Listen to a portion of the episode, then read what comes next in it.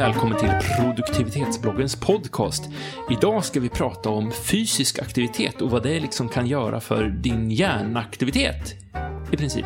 Med oss idag har vi Daniel. Hallå, hallå. Eh, Vi har Kristoffer här. God dag. Och jag heter Johannes. Ehm, Jag tänker faktiskt bolla över till Kristoffer på en gång, för du kan en hel del om det här med fysisk aktivitet och hjärnan och hur det hänger ihop. Eh, vad hänger det ihop? Eh, ja, men det gör det. Eh, rätt rejält. Jag menar, senast forskningen, det, det är en rätt stor forskning som har pågått på University of Illinois. Där man då kollar på vad som egentligen händer med hjärnan när man utför fysisk aktivitet. Och man kan då kolla på hjärnan som en grå massa som vi ofta vill se den som. Men det finns en vit massa, en vit del av den också. Och det innebär alla kopplingar i hjärnan. Och där kan man då säga att fysisk aktivitet egentligen gör att de här kopplingarna blir bättre. Så att man kopplar bättre ihop sina hjärnhalvor när man gör det här. Och sen så handlar det också om att det, det, eh, alltså det, andra, det här händer redan efter 20 minuter börjar det här förbättras. Och sen så om man då förlänger lite grann upp till 30 minuter då påverkas alltså stressnivåer, stresshormoner, kortisol och så vidare börjar gå ner då också. Så att, otroligt mycket positiva effekter av det. Jag kan ju märka själv när man är ute och springer hur, hur de problemen som man hade i början av löprundan är helt som bortblåsta när man kommer tillbaka hem. Eh, och allting liksom har, har Det kanske är för att du är jättetrött. Ja, precis. Och har annat att tänka på. Nej, men det känns, jag menar, ofta så har man liksom en lösning med sig hem. Att ja, men Mm, det är ju precis. så här jag ska göra. Men det, det tror jag är någonting annat egentligen. Det tror jag handlar om att du har, du har tvingat din, medvetna del av, av hjärnan att fokusera på någonting annat. Typ var du sätter fötterna och hur ska du orka och inte kräkas när du är ute och springer. Så den har gett ditt undermedvetna just lite ledigt. Ja. Så då har du fått tid att, att processa dina problem egentligen. Och sen så dyker det upp, när det medvetna väl börjar titta på dina problem igen så har det undermedvetna redan, redan löst alltihopa. Och Det det tror jag, när man sover. ja, eller tar en dusch eller, eller löser någonting. Men det, Så- jag så. tror att det är en, det är en positiv spin-off. Jag, jag vill inte släppa helt att det faktiskt påverkar hjärnan rent fysiskt. Eh, så jag släpper inte helt men håller helt med dig. Det är ju en positiv bieffekt också. Att man faktiskt tar sig tid, man bryter sig loss från det dagliga och tar sig den här tiden att ge sig ut. Så att, ja, jag tror det är många fördelar. Mm. Och sen så har jag hört, jag har ju ingen källa på det här, men att om man, om man kör fast i ett, i ett tankemönster så kan man sätta sig och liksom knyta nävarna växelvis. För på så sätt aktivera båda hjärnhalvorna och få dem att jobba med varandra. Och det skulle också innebära att liksom om du är ute och tar en promenad och sätter höger fot framför vänster och så vidare och går vidare och trycker på med, med hela kroppen och använder båda kroppshalvorna och tar dig framåt så, så skulle det här hjälpa till att, att få hjärnhalvorna att jobba med varandra och liksom lösa upp knutar. Det, det tycker jag också känns som att det har funkat när, kanske inte det här knyta nävarna, men, men liksom att röra på sig för att lösa problem, för att få hjärnan att börja jobba på ett annat sätt. Det, det kan kanske vara så. Jag tror dock inte att hjärnan har liksom en hjärnhalva som kontrollerar höger och en som vänster. Så jag, jag, jag, Det är olika centrum där tror Ja. jag. Men, men eh, jag tror att i grund och botten så handlar det om exakt samma sak. Du rör på dig och därför kopplar du ihop bättre. Och därför börjar hjärnan liksom... Alltså när man tittar på hjärnforskningen från det här så är det liksom som... Man beskriver som fyrverkerier när hjärnan Mm. är ute och springer. Liksom. För det är så otroligt många kopplingar man gör. Så att... eh, Mm.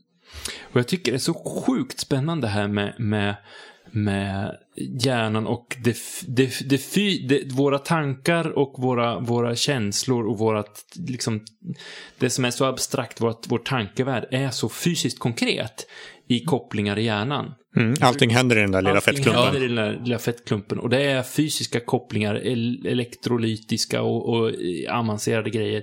Men ändå fysiska processer, fysiska och kemiska processer i hjärnan.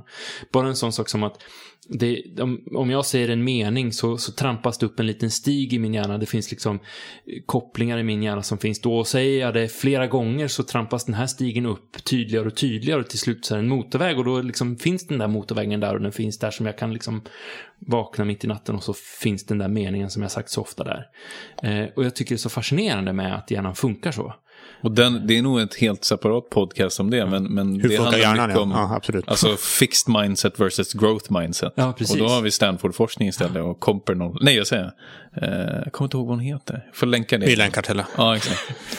Vi hittar något. Eh, men, men det är precis som du säger och det, det är liksom ifrågasatt ju hela vårt lär, lärosystem. Ja, precis. Den går väl ut på att, att antingen så föds, eller ena sidan av forskningen säger att du föds med din hjärna och den, den blir inte bättre än vad den är. Och den exakt. andra säger att du kan utvecklas, inte bara under uppväxten, Exakt, utan utan, det är också. precis vad vi hänvisar Ja. till här som Ja, du sa. Att man Ja. gör faktiskt stigarna. Man sätter ihop stigarna och börjar lära sig dem. Mm. Så att dålig på matten, nej, du har Nej. inte tränat bara. Ja. Inte än. Jag tycker det är, och hur, hur hjärnan är så här plastisk hela livet. Att Ja. man kan, kan utveckla Exakt. den hela livet. Otroligt.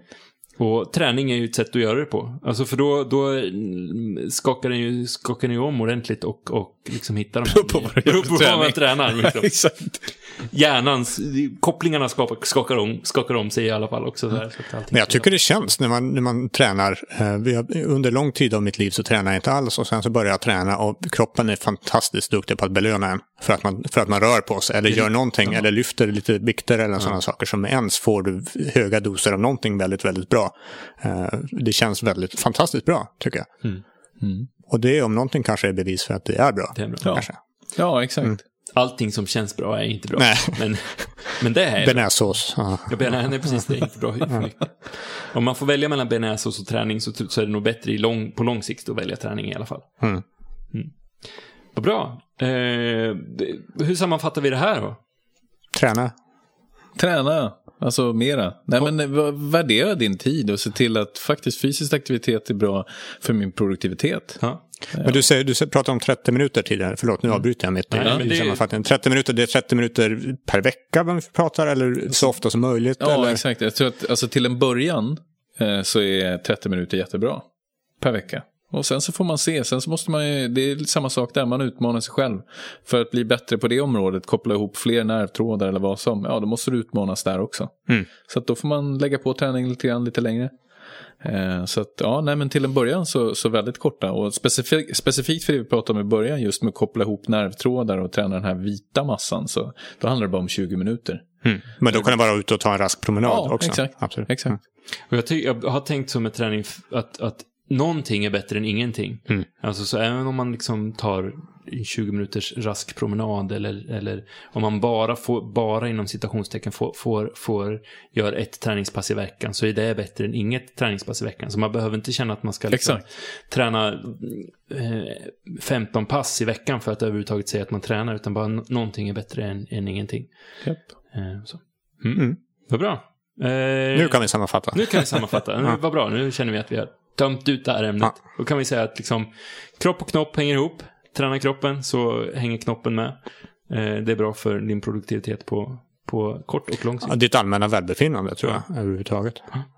Vad bra. Sen spelar det mindre roll vad du egentligen gör, Precis. säger vi. Säger vi. Du kunde inte riktigt släppa det där. Vad bra. Och vill du ha fler träningstips så har vi faktiskt några på produktivitetsbloggen.se. Eh, där vi skriver lite grann om träning. Eh, du får gärna eh, dela med dig av dina egna träningstips och sådär på vår Facebook-sida. Eller eh, följa oss på Twitter och, och eh, hojta till oss där. Du får jättegärna ge oss ett betyg på iTunes också. Ehm, det var allt vi hade för idag. Vi som har pratat här idag det är eh, Kristoffer, det är Daniel och jag heter Johannes.